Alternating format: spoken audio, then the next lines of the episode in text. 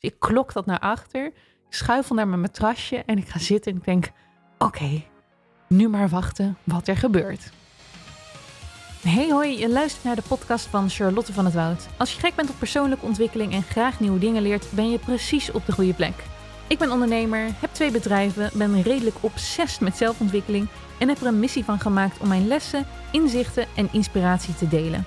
En de meeste mensen kennen mij via mijn Instagram, Celine Charlotte of Celine Woods, of hebben een cursus van mij gedaan van mijn bedrijf Sea Academy. Vandaag een hele speciale aflevering, namelijk deel 1 van mijn ayahuasca-avontuur. Ik ben net terug uit Costa Rica, heb daar in vier ceremonies, dus vier avonden achter elkaar, ayahuasca gedronken. En ayahuasca is een mix van twee planten. Ze noemen het een thee. Ik weet niet waarom, want het heeft er werkelijk niks weg van thee. Maar ehm, het is meer een soort van donkerbruin, rood, heel vies brouwsel, koud. Wat gemaakt is in ieder geval van twee verschillende planten. En het effect ervan is dat je eigenlijk zes uur, of ze zeggen van twee tot zes uur lang, in een hallucinerende trip komt. En um, sommige mensen zien visioenen, sommige mensen moeten heel veel spugen of krijgen de diarree van. Misselijkheid hoort er vaak bij. Het is in ieder geval een heftig drankje, wat je niet zomaar in je eentje ooit zou moeten nemen. Het komt oorspronkelijk uit de Amazone. Daar gebruiken mensen het al eeuwenlang. Er zijn hele tradities omheen. Maar een shamaan, en de shamaan is eigenlijk een soort van heilige, er een heel, hele ceremonie omheen houdt. Nou, het, het, is nogal een ding. En de meeste mensen die ayahuasca gebruiken, gaan dus ook naar de Amazone toe. Dus in Peru is het veel, in Colombia is het veel, om het ook echt daar te drinken. Maar de laatste, wat zou ik zeggen, drie jaar, vier jaar is het meer een hype aan het worden. Je kan het ook op plekken in Nederland doen. De, de voornaamste reden voor de meeste mensen is dat ze doen om spiritueel te ontwikkelen, trauma's te helen, zichzelf beter te leren kennen. En, en dat weet ik pas sinds ik het zelf ben gaan drinken, sommige mensen gaan er ook echt heen om een soort van wonder te krijgen. Dat ze bijvoorbeeld opeens van een bepaalde ziekte af zijn, of van een depressie af zijn, of van oorsuizen af zijn, ik noem maar wat. Nou, de ervaring die ik heb gehad met de thee ga ik in deze podcast beschrijven. Ik heb ook een aantal video's gemaakt. In het um, buitenland gebruik ik mijn andere Instagram-account. De meeste van jullie volgen mij op Celine Charlotte. Maar ik heb nog een tweede Instagram-account waar ik alles in het Engels doe. En dat Instagram-account heet Celine Woods. En daar heb ik onder andere ook al drie filmpjes over gemaakt. Over waarom ik ayahuasca ben gaan drinken. Over Rhythmia, de plek waar ik het ben gaan drinken. En over uh, een bepaald aantal dingen die ik heb gezien, zoals aliens. En uh, wat ik daarvan vond. Dus wil je nog meer informatie? Kijk vooral ook op Celine Woods. Om de uitzending te beginnen wil ik als allereerste even twee disclaimers geven. Zodra je over ayahuasca begint, zijn er heel veel mensen die gelijk zeggen: Oeh, dat is heel gevaarlijk en het is helemaal niet nodig om te doen en je moet uitkijken. En het is en blijft iets wat voor mensen bijvoorbeeld met um, een, een, verleden in, in psychische stoornissen of mensen die überhaupt gewoon wat dat betreft meer vatbaar zijn of waar het in de familie zit, die moeten uitkijken met dingen als ayahuasca. Dat is gewoon gevaarlijk. Ik weet daar verder helemaal niks van af, maar het is niet voor iedereen gemaakt om, zo'n, om deze thee te kunnen drinken. Dus laat je alsjeblieft van tevoren goed informeren of het voor jou kan. Ik ben zelf naar Rhythmia geweest. Dat is de plek waar ik het heb gedronken. Dat noemen ze Rhythmia Life uh, Advancement Center. En het zit in Costa Rica en het is eigenlijk een vijf sterren resort waar ze om de hele ayahuasca ceremonies heen een hele week erbij hebben met allemaal classes en een medische staf en ook dus een medische intake. En ik heb dus ook voordat ik ayahuasca mocht drinken, heb ik een medische intake gehad waar ze mijn bloeddruk hebben gemeten, een hele vragenlijst met, hebben, uh, met me hebben doorgenomen en gekeken of ik dus daadwerkelijk wel geschikt ervoor was. De tweede disclaimer die ik wil geven is dat ik niet gesponsord ben. Er zijn heel veel mensen die naar de Witmia gaan, heel veel influencers die uh, hun verblijf gratis krijgen. En in ruil daarvoor bijvoorbeeld post of uh, podcast moeten maken. Maar ik ben zo enthousiast over ayahuasca dat ik überhaupt een podcast erover wilde maken. En dus ik heb gewoon betaald. Ik heb er bijna 5500 euro voor betaald. Maar ik koos dan ook de chicste kamer en dat ik helemaal in mijn eentje sliep. Je kan bij Rhythmia ook voor ongeveer 3000 euro per week uh, ayahuasca drinken. Dit is alsnog in vergelijking met heel veel andere plekken, zeker ook in Nederland, veel meer dan dat je um, zou hoeven betalen. Maar ik ga je uitleggen waarom ik daarvoor heb gekozen. Als eerste, waarom wilde ik überhaupt aan de ayahuasca? Ik ben niet iemand die drugs gebruikt Ik drink zelfs geen alcohol bijna. En ik vind überhaupt een. Ik heb nog nooit zelfs een jointje gehad, omdat ik dat al spannend vind. Het leek me altijd eng dat je als je een jointje rookt, dat je het soort van in een psychose kon blijven of zo. Heb ik ooit één keer gehoord. En toen heb ik bedacht: weet je wat? Niet voor mij. Ik hoef geen drugs. Dus ook al heb ik best wel vrienden die af en toe een pilletje nemen. Iedereen weet, Charlotte is totaal drugsvrij en doet dat niet. Dus het was voor veel mensen een verrassing dat ik het ben gaan doen. Voor mij is de grootste reden, ik ben gewoon gek op zelfontwikkeling. Ik ben, zoals de meeste mensen weten, weet je, helemaal fan van de Tony Robbins seminars. Ik ben gek op, de boek, op alle boeken lezen, gek op cursussen volgen. Het kan bij mij eigenlijk niet diep genoeg gaan qua zelfontwikkeling. En ik sta daarin ben ik best wel open. Ik ga naar heel veel helers toe. Ik ben heel spiritueel. Ik hou ontzettend van nieuwe technieken proberen, zoals hypnose proberen of bepaalde soort energiewerk. Ik ben natuurlijk naar zo'n tantra-kamp geweest. Dus op het gebied van zelfontwikkeling duik ik overal in. En dat doe ik omdat ik gewoon elke keer opnieuw merk dat wat ik ook doe, of het nou een bepaalde heling is, een bepaald boek lees, ik altijd er beter uitkom en er altijd gewoon nou ja, interessante nieuwe dingen over mezelf ontdek. Dus wat dat betreft is ayahuasca, waarin iedereen beschrijft dat het eigenlijk een soort van tien jaar therapie in één nacht is. Eén keer drinken en je hebt zo ontzettend veel opgelost en je ziet zoveel bijzondere dingen over jezelf. Het is zo'n trip van zelfontwikkeling dat het voor mij heel anders voelt dan dat je drugs doet. Ze noemen ayahuasca dus ook geen drugs, maar noemen ze een plantmedicijn. En voordat ik ayahuasca dronk, dacht ik nog, ja, ja, het is ook gewoon een beetje een drugs moet zeggen, nadat ik ayahuasca heb gedronken, heb ik er meer respect voor gekregen. En denk ik ook van, oké, het is wel echt een medicijn inderdaad. Het voelt als een spiritueel medicijn. Nou, ik heb er op verschillende manieren, heb ik al van ayahuasca gehoord. Vijf jaar geleden deed een collega van mij bij de krant, bij NRC. Die ging dat drinken. Ik had het toen, dat was de allereerste keer dat ik ervan hoorde. Ik vond het toen waanzinnig bizar om te doen en zou het nooit hebben gedaan. Maar de afgelopen jaren hoorde ik het steeds vaker oppoppen bij mij was de grootste trigger eigenlijk dat uh, Catherine Zankina, Manifestation Babe op uh, Instagram, die volg ik, die, uh, die had het gedaan. Die was er heel enthousiast over. En ik luisterde naar haar podcast en dacht, wacht, dit moet ik ook doen. En ik ben toen op internet gegaan. Ik had niet eens goed geluisterd naar waar zij was geweest. Vond uit eigen, op eigen gevoel Ritmea. Vooral omdat ik volgens mij had ingetoetst fancy resort ayahuasca. En had er zo'n goed gevoel bij dat ik besloot dat ik naar Ritmea wilde gaan. Daar ga ik later meer over vertellen. Maar voor mij was dat dus een, een trigger. De meeste mensen zeggen namelijk: je moet geroepen worden door moeder ayahuasca. En dat klinkt gelijk heel zweverig en heel raar. Maar wat ze bedoelen is: dit is typisch iets wat je niet zou moeten doen als je niet volledig er echt voor wil gaan. En ik snap dat sinds ik dat heb gedronken zo goed. Want het is een van de zwaarste dingen die ik in mijn leven heb gedaan. Het was zo hard en bizar en eng en, en overweldigend. Dat als ik daar als ik daar had gezeten zonder me goed geïnformeerd te hebben of zonder dat ik eigenlijk het echt had gewild en vooruit groepschukkend mee was gegaan. Je, hoe mensen misschien wel eens drugs gaan doen, dat ze even een pilletje slikken omdat alle vrienden om hen heen dat ook doen. Dit is wat anders. Dit moet je niet op die manier doen. Maar voor mij was dus de notie van oké, je moet geroepen worden door ayahuasca. Voor mij was het genoeg dat ik heel erg die nieuwsgierigheid voelde ernaar en het gewoon graag wilde doen. Dat heb ik besloten als dat was mijn roep. En ehm, ik ga het boeken. Dus ik heb in december geboekt en ik kon in februari terecht. Mijn voornaamste reden was dus die zelfontwikkeling, omdat ik dat zo verschrikkelijk interessant vond. Verder dacht ik, het is misschien wel eens gezond en goed voor je om de controle te verliezen. Ik ben dus niet echt iemand die graag controle verliest. En ik heb heel veel geleerd als ondernemer van werken met een team en controle loslaten. En hoe mij dat ontzettend heeft geholpen in rustiger zijn en eigenlijk veel meer plezier hebben. Want als je een continu het idee hebt dat je de controle moet hebben over alles in je leven, dat is een heel aanrelaxed gevoel. Dus ik dacht, weet je wat? Ik ga nu ook eens leren om, en dan doe ik het op een hele veilige manier, om controle los te laten en iets in te nemen, waardoor ik niet anders kan dan me overgeven. Verder vond ik het een mooi moment om wat van mijn negatieve eigenschappen los te laten. Ik vind mezelf veel te ongeduldig en ik vind het vervelend dat ik zo ongeduldig ben. Uh, ik dacht, nou, misschien kan ik ook uh, uh, wat meer slechte kanten van mezelf ontwikkelen. Want dat is waar heel veel mensen over praten bij ayahuasca. Dat op het moment dat ze ayahuasca drinken, dat ze dan echt zelf in zich krijgen in alle negatieve dingen.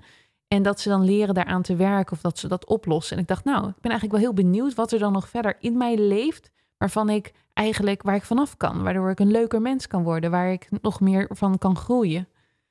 Dus dat, was van, dat waren van tevoren de redenen dat ik dacht, nou, ik ga dit doen.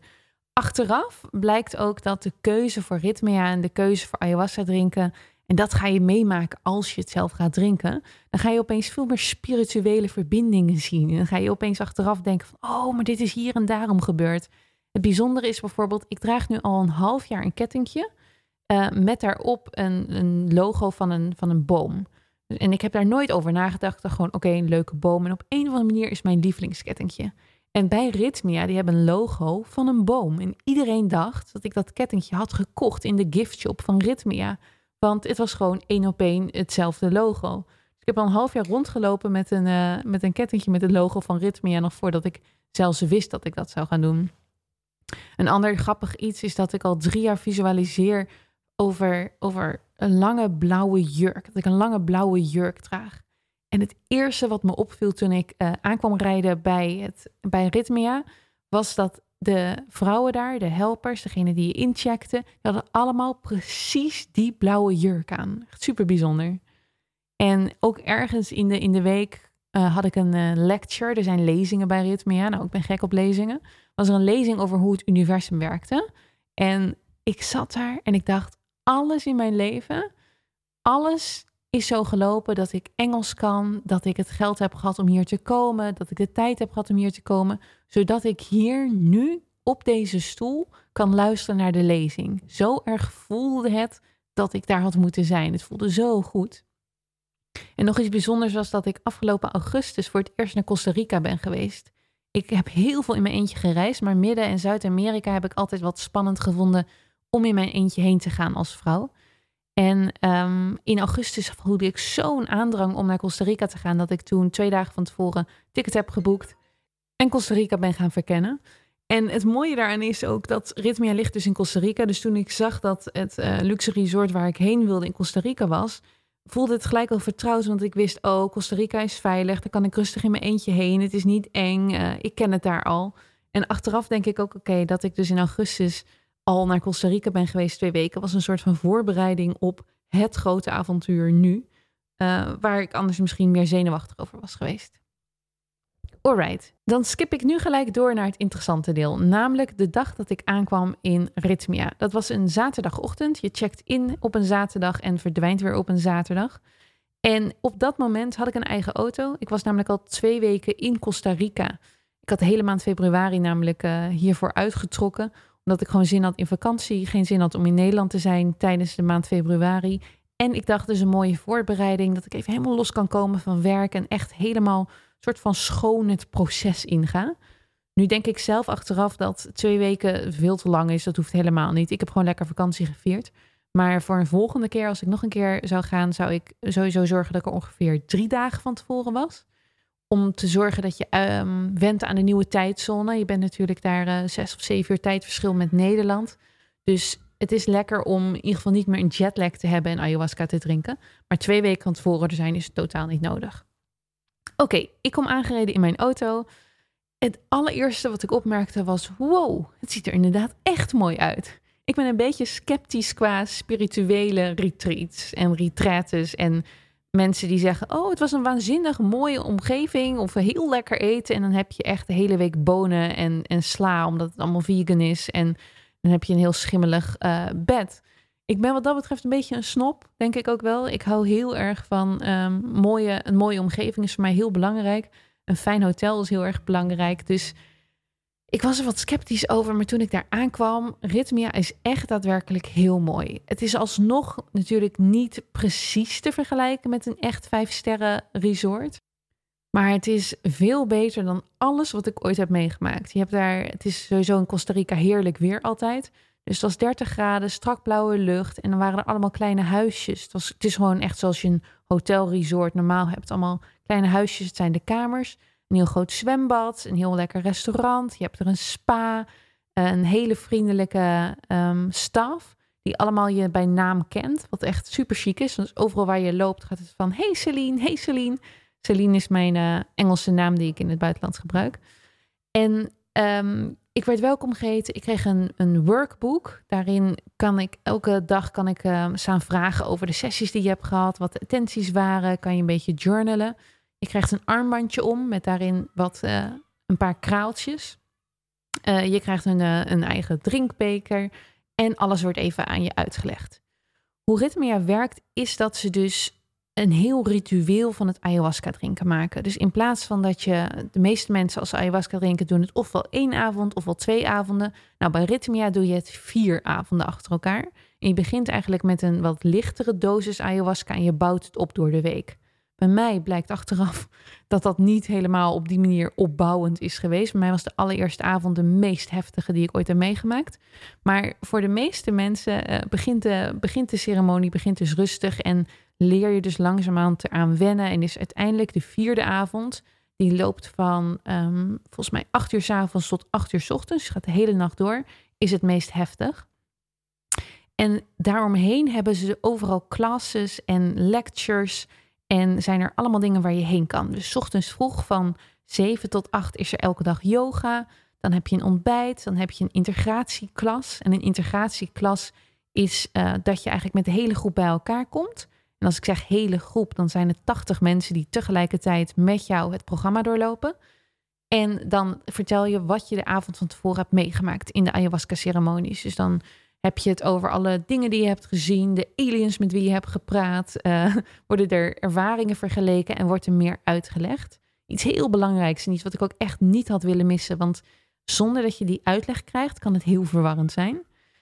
En er zijn onder andere leuke workshops. Zo heb ik op een um, maandag heb ik in een ijsbad gezeten. Je kent dat misschien wel van, hoe heet die, Wim Hof.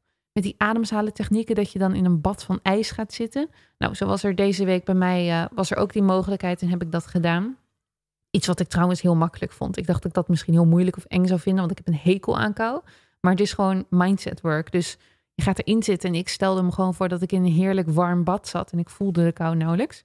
Uh, dus in vergelijking daarmee uh, was, was dat was echt easy peasy in vergelijking met ayahuasca. Maar het was leuk. Al die classes die staan allemaal op een heel groot whiteboard beschreven. En je staan ook in je werkboek. En ze hebben ook een app waar het ook nog eens allemaal in staat. Dus super duidelijk, heel overzichtelijk en ook wel fijn. Want je hebt natuurlijk, um, niet iedereen komt daar met iemand die je kent. Ik kwam ook in mijn eentje. Dus het is fijn om een structuur te hebben dat je wat uh, hebt te doen en de mogelijkheid hebt om mensen te leren kennen, met mensen te praten, et cetera.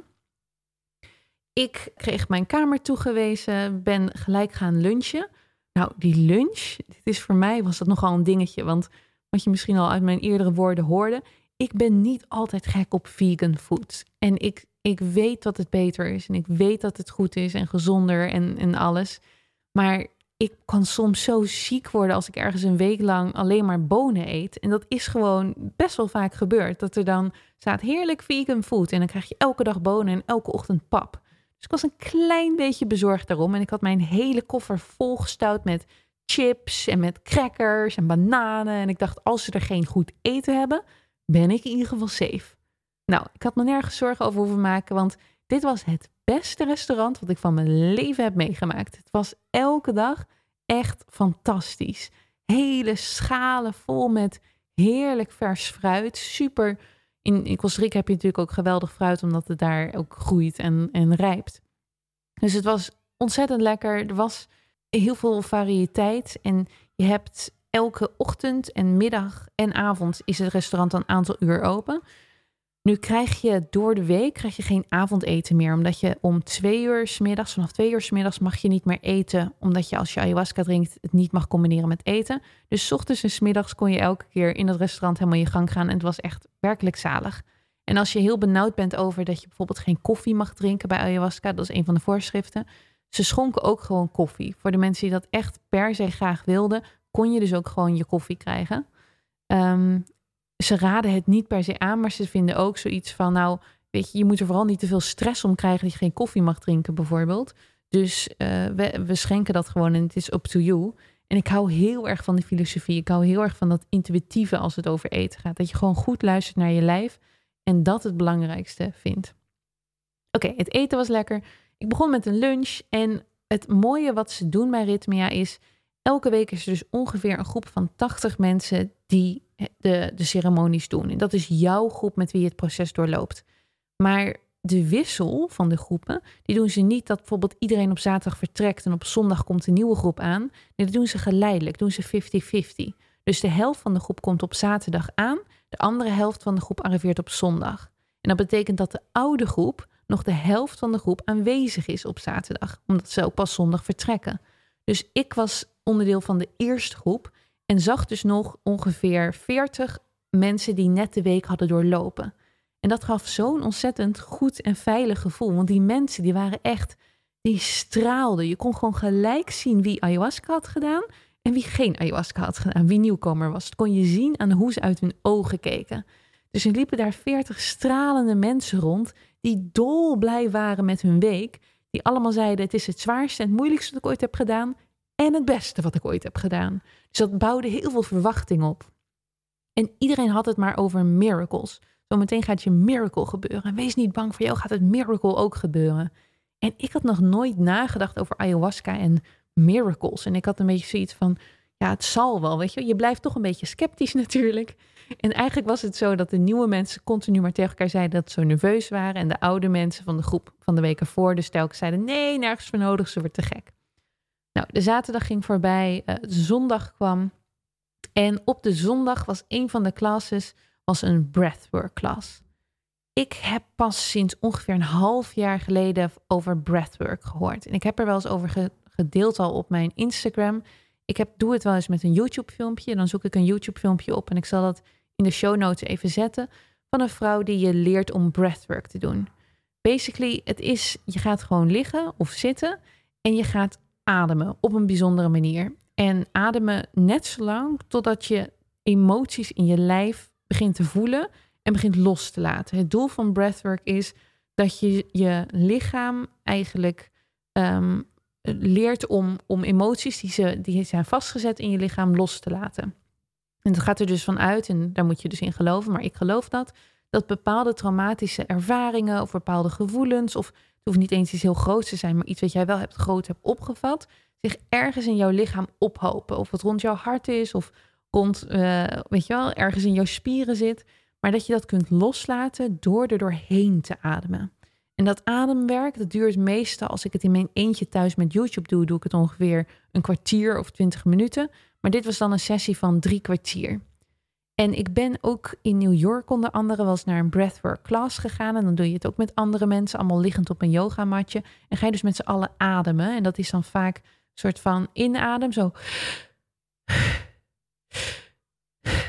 en dat, dat, dat heel lang. Nou, dus heel vermoeiend. En wat er bij mij altijd gebeurt bij ademwerk, is dat uiteindelijk mijn lichaam helemaal gaat verkrampen. En bij bijna iedereen die ademwerk doet, gebeuren er wel verkrampingen. Maar bij mij gebeurt het op een best wel intense manier.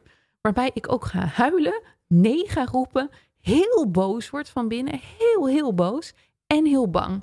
En het is eigenlijk altijd zo dat, de, dat degene die de breathwork klas dan geeft, speciaal naar mij toe moet komen, moet gaan zeggen: Je bent veilig, je bent veilig. En ik denk altijd: Ja, duh, ik weet dat ik veilig ben. Ik lig hier op een matje breathwork klas doen.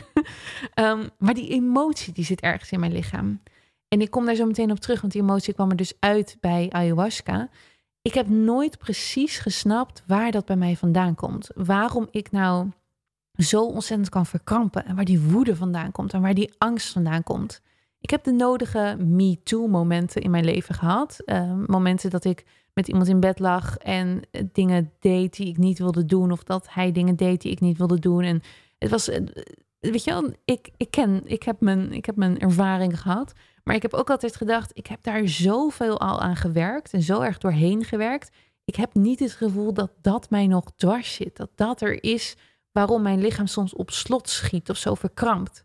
En zelfs als ik dus nu af en toe um, of met, met ex-vriendjes in, in bed lag en me heel vertrouwd en veilig voelde, kon het zomaar gebeuren dat mijn lichaam opeens weer zo op slot schoot. Wat ik heel erg schrok van een heel onschuldige aanraking. Als iemand bijvoorbeeld gewoon eventjes de hand op mijn buik of zo legde, of tussen mijn benen gewoon heel, gewoon heel lief en heel onschuldig, niks aan de hand, dat ik helemaal tens werd. Dus al mijn spieren verkrampten. Of dat ik gewoon buitengewoon bizar schrok. Dus dit heb ik al mijn hele leven. Ik heb nooit gesnapt waar nou precies vandaan kwam. Heel veel aan gewerkt. Al die MeToo-momenten die ik heb gehad vanaf mijn twintigste... Um, helemaal eruit geterapeuten naar mijn idee. En alsnog weet ik, zodra ik breathwork doe, gebeurt dat en verkramp ik. Nou, dat gebeurde deze keer ook bij breathwork. Dus drie mensen om me heen die me allemaal gingen helpen. En doorademen. En je bent veilig en bladibla. En voor mij is het een beetje basic, normaal. Want ik weet dat dit altijd gebeurt. Nou, doorspoelend naar de volgende dag. De, dat was de eerste dag van de ceremonie. Die begon ochtends vroeg met yoga. Dat kan ik helemaal niet. Vind ik ook niet leuk. Maar ik probeerde mijn best te doen. Daarna was dat de ijsbad waar ik in ben gaan zitten. Dat vond ik dus wel erg leuk om te doen. En daarna gingen we de eerste klas krijgen over ayahuasca en hoe dat nou werkte. En die werd gegeven door Jerry. En Jerry is de eigenaar van Rhythmia. Hij is ook een van de grootste redenen dat ik heel erg aangetrokken was tot Rhythmia. Want zijn verhaal, zijn levensverhaal, wat hij, waar hij een boek over heeft geschreven ook, Shit the Moon Said, um, gaat namelijk zo. Hij was een hele rijke biljonair, ondernemer, heel veel onderneming gehad, super succesvol, eigen vliegtuigen, 20 auto's, 13 eh, huizen, geen idee. In ieder geval heel erg rijk, heel succesvol en heel ongelukkig, heel erg verslaafd, heel erg destructief. En het lukte hem maar niet om van alle drugs af te komen en alles geprobeerd, in de meest dure afklikklinieken geweest en uiteindelijk dus aan plantmedicijn gegaan. Zijn eerste keer was niet ayahuasca, maar een ander plantmedicijn. Maar daarin kreeg hij dus een enorme openbaring. Heeft hij zijn hele leven omgegooid. Heeft hij besloten een ayahuasca-center op te zetten, Rhythmia. Is daar nu, woont daar nu in Costa Rica bij Rhythmia. En is er elke keer aanwezig, wat ik heel bijzonder vind, om dus de groepen zelf ook toe te spreken en meer te vertellen daarover. En hij vertelde zijn verhaal. Hij is een fantastische public speaker, dus dat was geweldig om naar te luisteren. En het leuke is, hij is gewoon een heel erg businessman nog steeds. zijn focus is ook heel erg op cijfers en hou ik van. Ik vind dat ook heel interessant. Dus hij wist ook precies te vertellen wat ons die week te wachten stond. Dus dan ging het zo van: oké, 40% van jullie gaat geopereerd worden door aliens. 30% van jullie gaat een ego-death beleven. Dit is gebeuren, dit gaat gebeuren, dit gaat gebeuren. Hij heeft natuurlijk door de jaren heen, want Ritmia bestaat nu vier jaar, heeft hij meer dan 8000 mensen voor zich gehad die allemaal ayahuasca hebben gedaan. Dus daar kan je uiteindelijk bepaalde conclusies en similarities uittrekken. En ik vond dat super interessant om te horen. En dat was dus ook voor het eerst dat ik heel erg hoorde over wat er allemaal kon gebeuren. En ook hij had het continu over het miracle wat er kon gebeuren en wat, er, wat je te wachten stond. Nou, nu is het zo dat bij ayahuasca er eigenlijk vier grote uh, manieren zijn waarop je reageert op het brouwsel. En de eerste manier is dat je, en daar hoor je het meeste over, dat je lichaam heel erg reageert. Ayahuasca wordt wel eens genoemd als een purging uh, plant medicine. En purging betekent uh, over, uitgeven, overgeven. In ieder geval het uit je halen. Dus ayahuasca moet je eigenlijk zo een beetje zien dat het je, je lichaam scant. En net zoals met breathwork, dan haalt het eigenlijk de emoties en de dingen naar boven die je los mag laten. En bij heel veel mensen is dat met ayahuasca met heel veel overgeven. Dat noemen ze purging. maar het kan ook zijn dat je diarree hebt, dat je heel erg moet gapen, dat je heel erg moet lachen, dat je heel erg moet huilen. Oftewel, je laat dingen los op de manier van dus overgeven of huilen. En dat is, dat is manier één. De tweede manier is dat je heel veel visioenen krijgt. Dus dat kunnen zijn allemaal patronen. Allemaal, heel, veel, veel mensen hebben het over allemaal geometrische, wat dan hoe je dat noemt. Allemaal zulke hele mooie kleuren die in elkaar overvloeien. En, en ehm, eh, wiskundige formules. En visioenen in de zin van dat je daadwerkelijk dingen ziet. Ayahuasca komt dus uit de jungle. Heel veel mensen zien dingen van ayahuasca, zien ze heel veel jungle dieren terug. Um, spinnen, slangen, um, uh, de bomen zorgen geluiden uit de jungle. Sommige mensen, en ik heb dat echt meegemaakt ook, die gaan opeens allemaal jungle geluiden maken als ze aan de druk zitten. Dus um, die visioenen, dus de tweede manier. Een derde manier is op ayahuasca dat je een consult kan krijgen. En een consult moet je zien als dat je in gesprek gaat met moeder ayahuasca. Dit klinkt raar, ga ik even beter uitleggen. Mensen die ayahuasca drinken geloven dat er een spirit in het drankje zit. En die noemen ze moeder ayahuasca. Dus als je de drank drinkt, dan krijg je eigenlijk dat moeder ayahuasca jouw lichaam scant en bekijkt en jou helpt in jouw journey om het allemaal uit je te krijgen.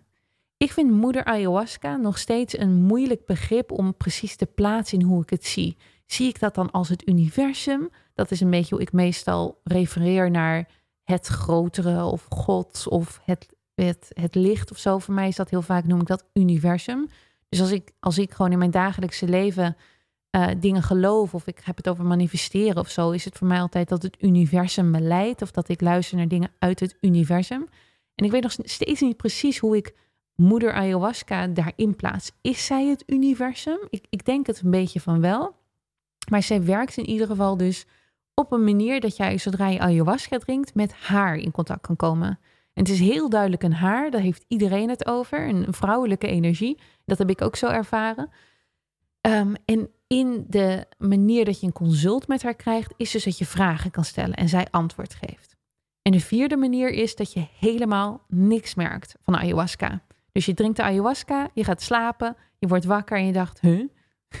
en dat noemen ze nada, oftewel niks. En dat kan ook. En hoe Jerry dat dan uitlegde, en vond ik dan ook weer zo geniaal, zei hij van ja, uh, toen ik dat voor het eerst hoorde, dacht ik ja, dat is een mooi trucje van uh, business owners voor als ze als ayahuasca niet werkt, dat ze kunnen zeggen: Oh, maar er is wel heel veel gebeurd hoor. Het is een nada geweest. Um, maar er zijn elke keer, bij elke groep zijn er ongeveer twee mensen die in ieder geval één van de avonden wel een nada hebben meegemaakt. En alsnog rapporteren die dus later terug dat er heel veel is veranderd, heel veel is gebeurd. En ik hoorde bijvoorbeeld ook uh, van een vrouw die een nada had en daarna opeens weer kon horen aan allebei uh, de oren. En dat was eerst niet zo. Dus ook bij een nada gebeuren er heel veel dingen. Meestal stopt ayahuasca je in een nada als het eigenlijk net te heftig is wat er allemaal uit moet komen. Dus als ze niet wil dat je dat allemaal ziet, merkt, meemaakt, zoiets heeft van weet je wat, zo traumatisch zou dat voor je zijn. We, we stoppen je in slaap en, um, en dat is het. En daarna, en dan doe ik het werk stilletjes zonder dat je dus zelf hoeft over te geven of het allemaal hoeft mee te maken. Nou, door zo'n klas, als je daar dus een uur naar aan het luisteren bent, word je natuurlijk helemaal warm gemaakt en heb je er heel veel zin in. Tenminste, dat was het effect bij mij. Ik had er vooral heel erg veel zin in. Dus om vijf uur moest iedereen zich verzamelen bij de Maloka. En de Maloka is een tempel. En dat is bij Ritmia is dat een grote ruimte met allemaal ramen die helemaal kunnen worden opengeschoven. Dus heel lekker, want dan waait de wind er een beetje door. En daar liggen dus allemaal matrasjes. En dit is een van de dingen waarom ik zo blij was dat ik ook uh, bij Ritmia was.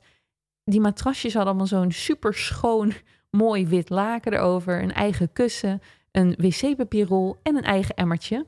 En dat lag dus klaar. En dan was in het midden was een, um, waren plekjes voor de shamaan uh, gemaakt. En alle helpers. Want bij elke ceremonie heb je sowieso twaalf helpers. Die zelf allemaal ook een klein beetje ayahuasca drinken. Omdat ze dan blijkbaar nog beter kunnen helpen. Je hebt de shamaan. En je hebt altijd één iemand van de medische staf die hier is en toekijkt voor mocht er wat gebeuren. Nu is er dus in die vier jaar nog maar één keer de medische staf nodig geweest bij 8000 mensen. En dat was toen iemand een, uh, een gezwikte enkel had, omdat hij tijdens ayahuasca know, naar, naar de kamer ging of zoiets dergelijks. Um, maar verder is dat nog nooit nodig geweest. Bij ons ook nog helemaal, bij, bij, bij mijn week was ook helemaal totaal niet nodig dat de medische staf ook maar iets heeft gedaan. Maar goed, om vijf uur verzamel je dus bij die tempel. En um, ik, uh, ik zat er helemaal klaar voor. De meeste mensen gaan in wit gekleed. Ik wist dat niet, dus ik had gewoon andere kleren aan. Ik had wel een beetje loszittende kleren aan, want dat raden ze aan. Ook omdat je dus blijkbaar helemaal aan de diarree en alles gaat. Dus ik had een soort van joggingsbroek aan om warm te blijven en voor muggen. Uh, en ik was er klaar voor. En nu sta je daar dan dus met een groep van 80 mensen voor de ingang. Ze waren binnen bezig met de matrassen nog goed leggen en allemaal ceremonies uh, doen. En het, om ayahuasca heen zit heel veel mystiek. Heel veel dingen waar ik ook echt de ballen van snap. En heel veel rituelen. Het is dus een eeuwenoude traditie. Dus de mensen die dat schenken en de mensen die het klaarmaken en de mensen die helpen, die zijn allemaal worden ze opgeleid in die traditie of zijn ze opgeleid en weten ze dat dus allemaal. Dus binnen werd dat helemaal gereinigd en klaargemaakt voor de ceremonie. En buiten stonden dus 80 mensen in voornamelijk witte kleren te wachten tot ze naar binnen mochten. Nou, iedereen was doodnerveus. en er waren een paar, waaronder ik, die vooral excited waren. En de rest was gewoon, je zag allemaal zulke bleke koppies en grote bange ogen. Sommigen waren helemaal in meditatie verzonken. Anderen waren heel nerveus tegen anderen, continu aan het benadrukken dat ze zo nerveus waren. En ik ben natuurlijk weer getraind in mindset werk. En ik weet dat als je continu blijft zeggen, ik ben zo nerveus, ik ben zo nerveus, dat je alleen maar nerveuzer wordt. Dus ik hield mezelf vooral erg voor dat ik gewoon excited was en dat het allemaal leuk was. Enige waar ik echt zenuwachtig voor was, was rapé. En rapé is een, is een soort van tabak of drugs. Ik snap nog, nog steeds niet helemaal wat het is. Maar wat ze doen, is dat ze dat in je neus schieten. Nou, als ik ergens niet tegen kan, is het dingen in mijn neus. Als ik in een zwembad spring bijvoorbeeld, hou ik mijn neus dicht omdat ik niet wil dat er water in mijn neus komt. En zelfs als ik mensen op uh, in een film cocaïne of iets dergelijks zie, zie snuiven, dan ben ik, word ik helemaal gek omdat het me zo'n vervelend gevoel lijkt als je iets in je neus krijgt. dus voor mij gaat het niet per se om de effecten van rapé waar ik zenuwachtig voor was. Maar vooral om het feit dat ze dat in je neus schieten. En ik snapte niet hoe het werkte en dat vond ik vooral het enge. Nu doen ze dat omdat ze zeggen dat het heel goed samengaat met ayahuasca. Dat rapé dus meer een soort van mannelijke energie is. En dat het je heel erg ground. Dus dat het je een soort van naar ja, rustiger maakt. Dus daarom geven ze je rapé van tevoren. En dan moet je 45 minuten wachten en daarna drink je de ayahuasca. Dus in plaats van dat ik heel zenuwachtig was over de ayahuasca, was ik me druk aan het maken dat er iets in mijn neus zou gaan zometeen. Nou, we lopen naar binnen. Je kiest een matrasje uit. En ik koos een matrasje uit uh, bij, allemaal, bij een hoek met allemaal vrouwen. De verdeling van mijn week met deelnemers was ongeveer 50-50 mannen-vrouwen. De leeftijden waren variërend van, de jongste was geloof ik uh, 20 of zo. En de oudste die was denk ik uh, rond, de, rond de 65 of misschien wel 70. En um, heel veel koppels, heel veel uh, vriendinnen ook die samen, of vriendengroepen die samen waren gekomen. Ik denk ongeveer dat 30 of 40 procent in hun eentje was gekomen. En qua mensen, dat is misschien nog wel interessant om te stellen. Het is niet dat het per se allemaal hele spirituele mensen zijn die dit doen, helemaal op het, weet je wel, als, als allerlaatste grootste spirituele verlichting of iets dergelijks. Je hebt echt mensen van alle walks of life. Nu denk ik wel dat Ritmea door de prijs een net iets wat andere cliëntelen heeft dan als het 200 euro in iemands kelder is. Maar um, je hebt dus veel ondernemers erbij. Er waren een paar influencers bij mij. Een voetbalcoach onder andere, die, uh, die vrij bekend is in Amerika. Dus er zijn het was, het was echt een hele interessante mix aan mensen. Ook heel veel mensen die nurse waren, teachers waren. En natuurlijk de mensen die je daar iets meer zou verwachten. En dat zijn mensen die iets doen met healing of iets doen met energiewerk, et cetera. Nou, iedereen zit op het matrasje. De shamaans die zijn opnieuw bezig met allemaal rituelen. Dan worden we opgeroepen voor de rapé. Dus, dus ik loop van mijn matrasje naar de rij toe voor degene die de, die de rapé uitdeelt. En ik ga uiteindelijk een soort van half bevend zit ik daar, voor, zit ik daar op de grond. Um, want die anders had ook. En zei ik, oké, ik ben super zenuwachtig voor de rapé. En het was zo'n lieve jongen die me hielp. Wat trouwens heel opmerkelijk is, want in Ritmia zijn het allemaal hele mooie jonge mensen die helpen. Allemaal rond de, wat zal het zijn? Tussen 25 en 35 ongeveer. Het lijken net engelen, zo, zo lieve energie hebben ze. Deze jongen ook, die straalde zo'n zachtheid en zo'n liefde uit, uh, liefde uit. Dus hij keek me in de ogen en zei... Het is normaal dat je bang bent. Het zou pas eigenlijk... Het zou zorgelijker zijn als je niet bang was, zuster. toen dat vond ik heel lief met dat zuster. En toen pakte hij zo'n pijpje. En dan stopte hij dus aan de ene kant een soort van groen poeder in. Dat is rapé. Zei die, ben je er klaar voor? En ik zo, uh, ja. En toen en dan moet je je adem inhouden en dan schieten ze dus inderdaad dat poeder in je neus. Ik moet zeggen, het was minder eng dan dat ik me had voorgesteld. Was nog steeds niet fijn, want je krijgt een soort van branderig gevoel even in je, in je, der, in, um, in je hoofd. En dan noemen ze dat dus bij je derde oog. En dat zit ongeveer tussen je wenkbrauwen. En het helpt je, geloof ik, nu herinner ik me weer. Rapé helpt je ook om volgens mij je derde oog te openen of iets dergelijks. En um, dus je krijgt een beetje een branderig gevoel. En daarna ging ik terug naar mijn matrasje en ging ik daar zitten en wachten tot het werkte. Nou, ik heb dus nog nooit van mijn leven drugs genomen, nog nooit van mijn leven dronken geweest. Dus ik ben nog nooit onder invloed van iets geweest. ik zat daar zo'n beetje af te wachten tot er iets ging gebeuren. En er gebeurde helemaal niks. Ik voelde er niks van. Ja, ik vond het vervelend branderig gevoel, maar dat was het. Dat was een beetje een, uh, een deceptie na, na de grote verwachting. En daarna, na ongeveer drie kwartier, zeiden ze: Oké, het is tijd voor jullie eerste cup ayahuasca. Kom maar naar voren en dan schenken we dat in. En opnieuw, 80 mensen staan op en dan waren er drie rijen gemaakt. Dus je staat eventjes te wachten tot je die cup krijgt. En in die, in die lange rij wachtende mensen is dan zoveel anticipatie en zo'n zo, zo, zo nervositeit. Maar tegelijkertijd ook weer heel veel mensen die dus in meditatie zitten. En ze leren je bij Rhythmia dat je alles met een intentie moet doen. Dus ik was dat helemaal vergeten uit zenuwen bij de drapé. Ik zat alleen maar te denken, ik hoop niet dat mijn neus eraf valt. Maar verder bij ayahuasca wist ik, oh ja, ik moet nu een goede intentie bedenken om zo meteen die ayahuasca te kunnen drinken. Nou, sommige mensen bedenken hun eigen intenties. Bijvoorbeeld, ik wil van deze eigenschap af. Of ik wil mezelf spiritueel beter leren ontdekken. Of ik wil vergeving vinden. Of, en dat hebben ook heel veel mensen, ik wil proberen met mijn overleden moeder te praten. Of ik wil proberen om een bepaald trauma los te laten. En bij Rhythmia leren ze je dat eigenlijk de drie intenties die het beste werken zijn: Show me who I've become. Dus laat me zien wie ik ben geworden. Merge me back with my soul at all costs. Dus breng me terug met mijn ziel. En de derde is heal my heart. Heal mijn hart.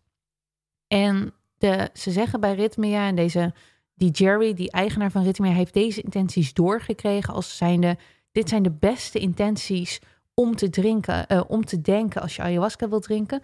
Omdat als je deze intenties volgt, dan krijg je antwoorden op al die andere vragen.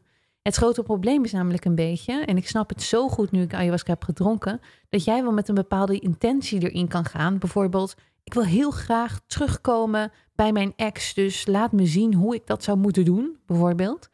Dan probeer je zelf te sturen wat jij denkt dat voor jou het meest helend is in je leven of het beste voor jezelf. Maar jij kan dat niet zelf bedenken. Dus wat het universum voor jou in petto heeft, dat is veel belangrijker. En dat is veel helender dan per se jouw eigen controle erop willen houden. En met deze drie intenties die zij gaven, zijn dus heel erg open en vrij. En um, geven dus een veel betere mogelijkheid om eigenlijk dat de ayahuasca werkt, om dat jou te laten zien wat jij nodig hebt. Nou, het leek mij een hele goede filosofie. Sowieso ben ik het type dat als ik iemand vertrouw, en dat deed ik absoluut met de eigenaar van Rhythmia. Um, en als ik denk van nou, dit zit allemaal goed in elkaar, dan volg ik dat eigenlijk altijd uh, tot op de letter. Dus ik had zoiets, ik pak de eerste intentie die je moet nemen voor deze avond. Show me who I become. En met dat in mijn hoofd ga ik die ayahuasca drinken. Ik schuifel naar voren, elke keer meer. Uiteindelijk sta ik dus voor de shamaan die het schenkt. Nou, dit was in een klein shotglaasje, werd de ayahuasca geschonken. Wat ik al zei, een rood-bruinig brouwsel, koud. En het was zo vies. Dus ik, ik zet het aan mijn lippen. En als die shamaan niet toekijkt hoe jij dat drankje naar binnen werkt, zou het waarschijnlijk bij mij een half uur hebben gekost om dat naar binnen te werken. Want ik vond het zo ontzettend ranzig. Maar ja, die ogen die zijn op je gericht. Er staat een hele rij mensen achter je. Dus ik klok dat naar achter. Ik schuifel naar mijn matrasje en ik ga zitten en ik denk, oké, nu maar wachten wat er gebeurt. Het duurde bij mij ongeveer half uur of 40 minuten voor ik de effecten begon te merken. En ik was een van de allereerste van alle mensen om mij heen die iets merkten. Want ik hoorde verder nog helemaal niks. Het was doodstil, behalve de muziek die je hoorde. Nog geen gespuug, nog geen, geen gehuil, nog geen geschreeuw, helemaal niks. Behalve dus dat ik dus opeens mijn hele mond voelde tintelen. Dus een beetje vanaf eigenlijk de achterkant van mijn tong naar voren, helemaal rondom bij mijn neus en bij mijn kin. Alles was helemaal aan het tintelen en nam aan het raken, um, doof aan het raken. En ik wist onmiddellijk, want dat had ik net geleerd in de klas die we ervoor hadden gehad, ik krijg een operatie. En dat klinkt heel raar, maar wat heel veel mensen meemaken tijdens een ayahuasca-trip, is dat ze geopereerd worden ergens aan door aliens. en ik, het, het, klinkt zo bizar, maar omdat zoveel mensen dezelfde um, ervaring hebben, zijn hier dus ook weer patronen in te merken. En bij iedereen begint het eigenlijk altijd dat je dus amnesthesia, oftewel een verdoving krijgt. En dat merk je dus doordat je hele mond, tong en alles gewoon helemaal verdoofd wordt. En dat had ik dus ook.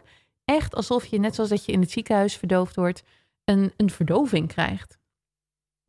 De meeste mensen uh, krijgen op dat moment drie soorten operaties zien. Ofwel door, door machines echt, dus dat je echt zoals je in een operatiezaal machines ziet. ofwel door aliens, ofwel, en dat had ik, door minions. En minions, dat zijn die kleine gele mannetjes van die film. En dit is, dit is mij uitgelegd. Ik, vind, ik vond dit zo'n bijzonder iets. Maar dit is mij uitgelegd dat het niet daadwerkelijk minions zijn en niet daadwerkelijk aliens zijn, maar andere krachten, dus andere spirits of energieën. Maar dat wij nu in deze tijd dat gewoon niet kunnen bevatten. Wij kunnen met onze menselijke ogen niet snappen wie dat nou aan het opereren is. En daarom wordt het aan ons laten zien in een visioen als zijnde een alien of een minion. Dus eigenlijk pakt het universum een bepaalde vorm die wij mensen herkennen en laat het op die manier zien aan ons. Net zoals dat wij nu in de steentijd eigenlijk aan iemand zouden moeten uitleggen hoe een iPhone eruit ziet of hoe FaceTime eruit ziet, dan pakken wij natuurlijk uiteindelijk ook een steen en gaan daar op die manier uitleg over geven. Nou, hier heb je jouw steen, hier heb je mijn steen. Dus je moet het eindelijk om zulke spirit dingen te snappen, om zulke bizarre univers um, dingen uit het universum te kunnen bevatten, moeten ze het versimpelen voor ons. En daarom pakken ze aliens. Nou, mijn alien zag er dus uit als een heel ongeduldige minion met een clipboard die dus aan het kijken was naar mijn enkel. Want dat was het eerste wat ik voelde. Ik voelde dus die verdoving. Toen zag ik die minion bij mijn enkel staan. Zei hij, oh ja, oké, je enkel. En op dat moment werd mijn enkel gelift. Als in van, die werd omhoog gedaan. En ik lag uh, onder een dekentje. Hele deken ging omhoog. En het was niet alsof ik mijn enkel omhoog deed. Het was echt alsof dat dus daadwerkelijk voor me werd gedaan. En de enkel werd alle kanten opgebogen. En toen begon, en ik, ik heb dat niet gezien. Sommige mensen zien daadwerkelijk tijdens een operatie ook heel veel aliens staan werken. Of heel veel mannetjes. Of zien dus een operatietafel en instrumenten en alles. En ik zag alleen maar dat mannetje met het clipboard. En een soort van onzichtbare handen of, of, of dingen aan mijn enkel werken. En het, mijn enkel werd alle kanten opgebogen. Naar links, naar rechts, naar voren, naar onder. Kraakbeen werd verschoven, spieren trilden. Het was echt bizar. En um, nu heb ik, en dat heb ik nooit verteld, maar ik heb dus een slechte enkel. En dit is niet iets waar ik dagelijks bij stilsta, wat dagelijks een groot ding is voor mij. Ik heb het ontwikkeld toen mijn broertje ongeveer zes jaar geleden een keer over mijn enkel heen reed met de auto toen we ergens uh, waren. En vanaf dat moment is die enkel dik geweest. En ik ben naar het ziekenhuis gegaan en er was toen niks mee aan de hand. Een beetje verstuikt. Ik heb een paar dagen omhoog moeten houden, weet je wel zo. Maar voortaan altijd, en ik hou natuurlijk heel erg van wandelen. Als ik een langere tijd wandel, speelt die enkel op. Als ik lange tijd auto moet rijden, speelt die enkel op. En ik baal er altijd heel erg van, omdat ik zo van wandelen en autorijden hou. En ik toch altijd een klein beetje pijn voel in die enkel uiteindelijk. En ik ook bang ben uh, dat ik uiteindelijk, dat dat zich gaat verergeren en dat ik uiteindelijk ooit een soort van, um, I don't know, iets met mijn enkel moet. Een heel groot ding met die enkel is bij mij altijd, en dat heb ik altijd al geloofd, geweest dat hoe je er mentaal over denkt, speelt ook mee. En ik had een ex-vriend en die ex-vriend had een hele slechte enkel. Als in zo slecht dat zijn kraakbeen daar weg was, had er allemaal pinnen in, hij had er een soort van ijzerstuk in en die enkel heeft onze hele relatie, die vijf jaar duurde, heeft een grote rol gespeeld. Want hij kon niet altijd werken met die enkel, want hij had heel fysiek werk, waardoor ik bepaalde taken van hem overnam. En ik ochtends vroeg, uh, al bijvoorbeeld om vijf uur s ochtends naar de, naar de vismarkt uh, ging om, om allemaal zulke dingen te doen. En die enkel was gewoon bij ons in de relatie speelde een hele grote rol. En ik heb wel eens vaker gedacht, uh, en dat hebben ook helers tegen mij was gezegd, dat een deel van dat ik nog telkens mijn enkel zo voel en dat hij zo blijft opspelen, dat dat te maken heeft onder andere met de zorgen die ik altijd maakte om mijn ex zijn enkel. En dat dat op een of andere manier een correlatie met elkaar had. En terwijl ze dus aan het opereren waren, gebeurden er twee dingen. Als eerste zei ik: Nee, nee, nee, je moet niet bij mij zijn. Er is hier een ander meisje en die heeft een veel erger enkel. Je moet naar haar toe. En dat meisje had ik een paar uur daarvoor had ik even met haar gesproken. Zij, was, zij, runde, zij runde. Zij was een marathon uh, runner. En ze had iets met haar enkel gedaan, waardoor die enkel dik was. En ze nu dus zelfs in een soort van cast liep. Dus ze zat er een soort uh, zwachtel en alles omheen. En ik dacht, ja, mijn enkel valt wel mee. Haar enkel is veel belangrijker. Want zij runt, weet je, dat is haar hele leven om te rennen. En dat is haar grote hoop, dat de enkel wordt geopereerd. Dus ik zei tegen die gast met dat clipboard van... nee, je moet niet bij mij zijn, ga alsjeblieft naar haar toe... want zij heeft het veel harder nodig. En hij schudde alleen maar een beetje ongeduldig zijn hoofd... en zei hij, nee, we moeten bij jou zijn. Jij bent mijn patiënt nu, dus jij bent degene die ik nu aan het doen ben. En daarna vroeg ik aan hem, wat is er aan de hand eigenlijk met die enkel? En toen zei hij onder andere, oh ja, maar het is ook medeleven met je ex-vriend. En uh, al die dingen die ik dus al eerder had gehoord, maar waar die dus nu aan het werk was. Nou, zij waren me, mijn enkel aan het repareren. en ik lachte maar en ik dacht, het is dus allemaal waar. Alles wat ik dus net allemaal in die klas heb gehoord, dat er operaties zijn, dat er minions zijn, dat er aliens zijn, dat je verdoving krijgt. Het klopt dus allemaal. En terwijl ik dat dus allemaal zo een beetje aan het denken was, heel verwonderd, moest ik heel hard lachen. Nou, lachen is dus een manier van purging. En was ik continu heel erg aan het gapen. En die gast met dat clipboard, die alien of die minion, keek dus me aan en die zei van ja, we beginnen bij jou maar gelijk met een operatie, want we dachten al wel dat je anders er niet in zou geloven. En nu weet je zo meteen, als alles over is, dat alles wat je deze nacht gaat zien echt is, want je enkel is gerepareerd. Nou, zij waren met mijn enkel bezig. Ik liet het allemaal toe. Ik was helemaal in verbazing, omdat het gewoon.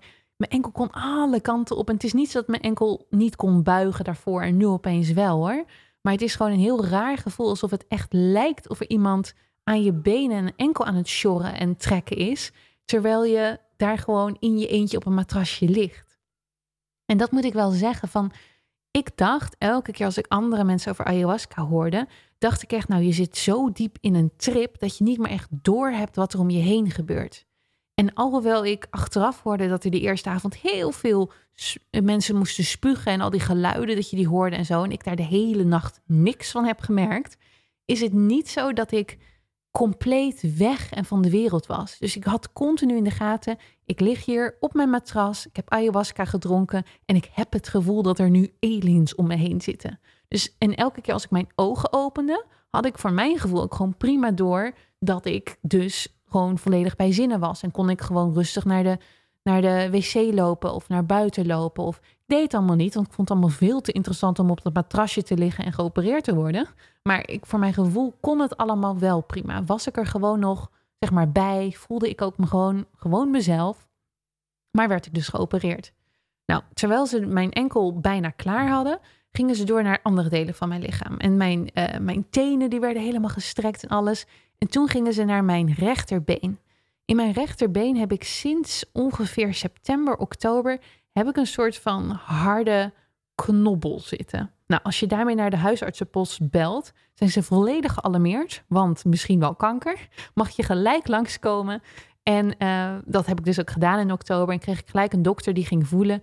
En in mijn hoofd dacht ik nog een beetje: heb ik me nou, ben ik me aan het verbeelden dat die knobbel er zit? Of is het nou echt? Of wat is het nou?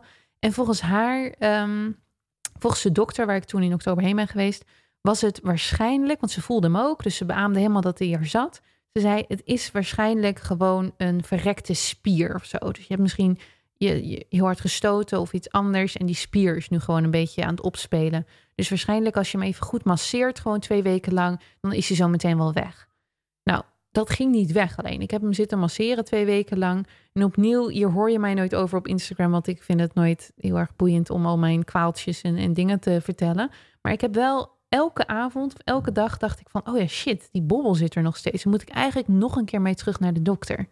Deed het maar niet, kwam er niet van. En het eerste wat die, wat die aliens deden nadat ze mijn enkel hadden gedaan, was naar mijn bovenbeen gaan. Dus ik zei, want dan kon ik trouwens communiceren met die gast. Ik zei, oh nee, dat is niet echt belangrijk hoor. Als je toch dingen wil opereren, hoef je dat niet te doen. Want dat is waarschijnlijk gewoon een spier of zo die opspeelt. En hij zo, nee, nee, dat is geen spier. Dat is wat anders. Maar we halen het weg, geen zorgen. En toen gingen ze dus, toen ging mijn hele been trillen en gingen die spieren daar helemaal raar doen. En toen ging die knobbel weg. En tot de dag van vandaag heb ik geen knobbel meer daar. Is hij weg? Trouwens, de enkel precies hetzelfde. Tot de dag van vandaag voel ik die enkel niet meer bizar. Dus ik zat daar maar, wow. En dat zulke dingen zei ik ook hardop, waardoor ik me ook echt iemand vond die aan de drugs was. Dus ik zat er maar, wow, wow, wat? En maar gapen en maar gapen. En ik was gewoon, het was allemaal zo leuk. En ik dacht, nou, dit is fantastisch. Mijn hele lichaam wordt gedaan. En ik vroeg dus aan hem, wat staat er nog meer op je clipboard? Dat moet je nog meer bij mij doen. En toen zei ja, veel te veel. Echt ontzettend veel moet er bij jou gebeuren. En hij was een beetje ongeduldig de hele tijd met mij. En ik denk, ja, prima. Ik lig je wel, ik word geopereerd. Dit is geweldig. Toen bedacht ik me, maar wacht. Ik moet niet alleen geopereerd worden. Ik moest mijn intentie, show me who I become, die moest ik hebben. Dus ik dacht, ja, laat me daar focussen. Laat ik nu even focussen op innerlijke dingen. Want die operaties in mijn lichaam, prima. Maar ik moet natuurlijk weten, wat zijn mijn negatieve eigenschappen? En hoe kan ik daaraan werken? En hoe kan ik dingen anders doen? Hoe kan ik een beter mens worden? Dus ik zat maar te prevelen in mezelf. Oké, show me who I become. Show me who I become. En ik kreeg niet gelijk een antwoord, totdat, tot die minion me heel geïrriteerd recht aankeek. Eerste keer dat hij dat deed, zei hij, dit, dit is wie jij bent geworden. heb je door dat je aan één stuk door alleen maar naar anderen hebt gewezen, dat je wilde dat zij liever geopereerd werden dan dat jij werd geopereerd? En heb je door dat je nu gewoon heel erg hard aan het pushen bent, omdat je zo graag een beter mens wil, worden, dat je dolgraag dat wil doen? Dit is wie jij bent geworden. Dus even rustig nu. We zijn ermee bezig. Alles is in werking. Je hoeft de shit niet zo te controleren. We zijn bezig. En als ik dus zeg, nou, dan praat die minion terug. Dat is dus niet in de zin van dat ik fysiek hardop een stem hoor. Het is meer een soort van intuïtief. Snap ik wat hij tegen me zegt? Precies hetzelfde als dat je eigenlijk een droom hebt of gewoon in gedachten met iemand een gesprek voert. En je dus aan het ook die stem voor die ander eigenlijk aanvult. En ik heb hier heel erg aan moeten, aan moeten wennen ook. Want ik dacht dus, oké, als je met Mother Ayahuasca praat... of als je met mensen praat in je visioen... dan zal het wel overduidelijk een stem van iemand anders zijn. Maar gedurende mijn, al mijn Ayahuasca-trips... was het continu eigenlijk gewoon ikzelf... die tegen mezelf aan het praten was. In een soort van de stem van mijn intuïtie. Ik ben, ik ben sowieso iemand die heel erg scherp naar mijn intuïtie luistert... En daar altijd ontzettend uh, ja, me heel erg verbonden mee voel. En die stem werd door de hele ceremonies heen ook tegen mij gebruikt om te praten. Dus elke keer als ik praatte met anderen, was ik zeker in de eerste avond, in de eerste uren, was ik continu in verwarring van, ben ik dit nou allemaal zelf aan het verzinnen dat ik tegen, dit tegen mezelf zeg? Of is dit echt daadwerkelijk dus het medicijn wat tegen mij praat? Hoe werkt dit nou? Nou, en net nadat hij dus zo geïrriteerd met me was geweest dat ik geduld moest hebben, zag ik opeens voor het eerst een beetje patronen. Niet heel duidelijk. Sommige mensen zien urenlang allemaal hele mooie patronen voor zich flitsen. Maar opeens zag ik een beetje zo een raster en zag ik iets groter worden en kleiner worden en zag ik wat kleuren om me heen. En toen werden een paar dingen aan me laten zien waarvan ik wist: oh ja, inderdaad, dit is wie ik ben en ik ben er niet zo blij mee. Ik zag inderdaad mijn ongeduld als een soort van rode sticker. Ik zag het, um, mijn, ik heb, ik heb de vervelende eigenschap dat op het moment dat als ik met iemand heel oneens ben of iemand heeft iets bij mij gedaan waarvan ik echt denk van wow, dit, dit, dit gaat bij mij, je botst tegen honderd grenzen aan, dit is niet oké, ik ben hier niet blij mee, dan kan ik heel makkelijk afstand nemen. En dan kan ik heel makkelijk iemand in een soort van hokje zetten met mensen die ik niet vertrouw en bye. Je bent uit mijn leven. Je bent, je bent wat mij betreft onzichtbaar. Bestaat niet meer. Ik zag ook hoe ik mensen soms in kan delen in klassen. Sommige mensen, en dat heeft dan wel niks te maken met hoeveel geld ze verdienen of welke baan ze hebben, maar gewoon, ik, ik kies, ik zie vaak wel of mensen veel aan zelfontwikkeling hebben gedaan. En daar heb ik een oordeel over. Ik vind mensen die veel aan zelfontwikkeling doen heel interessant. Mensen die totaal niks met zelfontwikkeling willen of hoeven, vind ik vaak ook minder interessant of vind ik irritant of denk ik, doe jij maar eens wat meer aan zelfontwikkeling, dan zou de hele wereld daarvan profiteren. Dus ik stop mensen wat dat betreft in, in hokjes, in klasses. En ik vind dus de mensen die veel aan zelfontwikkeling doen en ehm, wat ik dan meer evolved vind, vind ik leukere mensen, interessantere mensen dan mensen die dat niet doen. En weet je, dat is natuurlijk best wel judgmental. Dus die dingen zag ik even aan me voorbij flitsen. Het was op een soort van tijdlijn gezet en ik zag die dingen gaan. En ik zei dus, ja oké, ja oké, ja dit weet ik. Ja, maar dit weet ik. Hier ben ik al aan het werk. Hier ben ik al aan het werk. Ik wil iets dieper doen. Ik wil dieper gaan. ik wil weten waar bijvoorbeeld soms mijn, mijn woede vandaan komt. Of waar dat ongeduld dan precies vandaan komt. Of waarom, wat is de bron? Want wat je me nu laat zien, dit weet ik al allemaal. En toen kreeg ik een soort van antwoord terug. En dit is dus ook weer in mijn eigen intuïtie, mijn eigen stem. Die zei van oké, wil je dieper gaan? Dan gaan we ook echt dieper. En op dat moment precies zei de shamaan opeens, en dan hoor je die shamaan, die hoor je dus dan dwars door je visioenen en je, hoe je daar ligt, hoor je heen komen. Die zei, oké, voor wie um, wil, er wordt nu een tweede cup geschonken. Dus een tweede shot van ayahuasca. En je hebt geleerd van tevoren dat op het moment dat je dat hoort, als je jezelf als je aan het liggen bent en je, je hoort de roep om een tweede cup, dan moet je dat eigenlijk doen. En op het moment dat je zo diep weg bent dat je niet hoort, hoef je daar geen zorgen over te maken. Maar ik wist dus, mij kwam dus ook precies op het goede moment, dat ik wist, oké, ik moet dan nu een tweede cup gaan drinken. Dus ik sta op en ik loop naar die groep. En ehm, de shamaan die vraagt bij iedereen van, voel je er wat van? Heb je er wat aan? Dus ook bij mij was het zo van, en Celine, did you feel the medicine? En ik weet nog dat ik antwoordde, oh yeah. en toen kreeg ik dus mijn tweede cup. Nou, toen, vanaf dat moment, dat is een van de meest bizarre, vrede, wow, wow, wow ervaringen geweest. En dat vertel ik je in de tweede podcastaflevering. Die um, gaat over wat er vanaf dat moment gebeurde tot en met helemaal aan het eind mijn allerlaatste ceremonie. Superleuk dat je tot nu hebt geluisterd. Als je meer wil weten, kijk dus ofwel op Celine Charlotte, mijn Instagram, ofwel waar ik tot nu toe meestal heb gedeeld is Celine Woods. Um, dat is Woods met drie O's. En daar heb ik in het Engels wat filmpjes gedeeld. Als je zelf al zoiets hebt van ik wil naar Ritmia toe, dit lijkt me geweldig, die wil ik ook meemaken. Je kan ze gewoon uh, vinden op internet, Ritmia Costa Rica. En noem mijn naam bij het boeken. Want als je mijn naam noemt, dat is heel tof. Dat is een programma wat ze voor iedereen hebben, dus niet speciaal voor mij. Maar als je drie mensen erheen stuurt, als je er zelf bent geweest, krijg je de vierde ticket gratis. Wat ik super slim vind, een soort van affiliate programma voor iedereen. En um, als er meerdere mensen zijn die uh, via mij gaan, ben ik van plan om ook een groepje te maken met, uh, met ons op Facebook. Dat ik ook nog een uh, sessie daar doe, een soort van call waar we met z'n allen kunnen praten en jullie nog meer vragen kunnen stellen. Hele praktische vragen die misschien specifiek betrekking hebben op ritmia.